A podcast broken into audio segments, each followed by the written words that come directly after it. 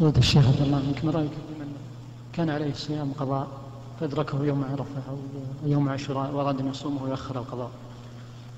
نرى أنه لا بأس يعني لا بأس أن الإنسان يصوم يوم عرفة أو يوم عاشوراء وعليه قضاء لأن وقت القضاء موسع إلى أن يبقى من شعبان بمقدار ما عليه من الصوم. لكننا نختار أن يبدأ بالقضاء. ويصوم يوم عرفة بنية القضاء وربما إذا صامه بنية القضاء يحصل له الأجران. أجر صوم يوم عرفة وأجر القضاء.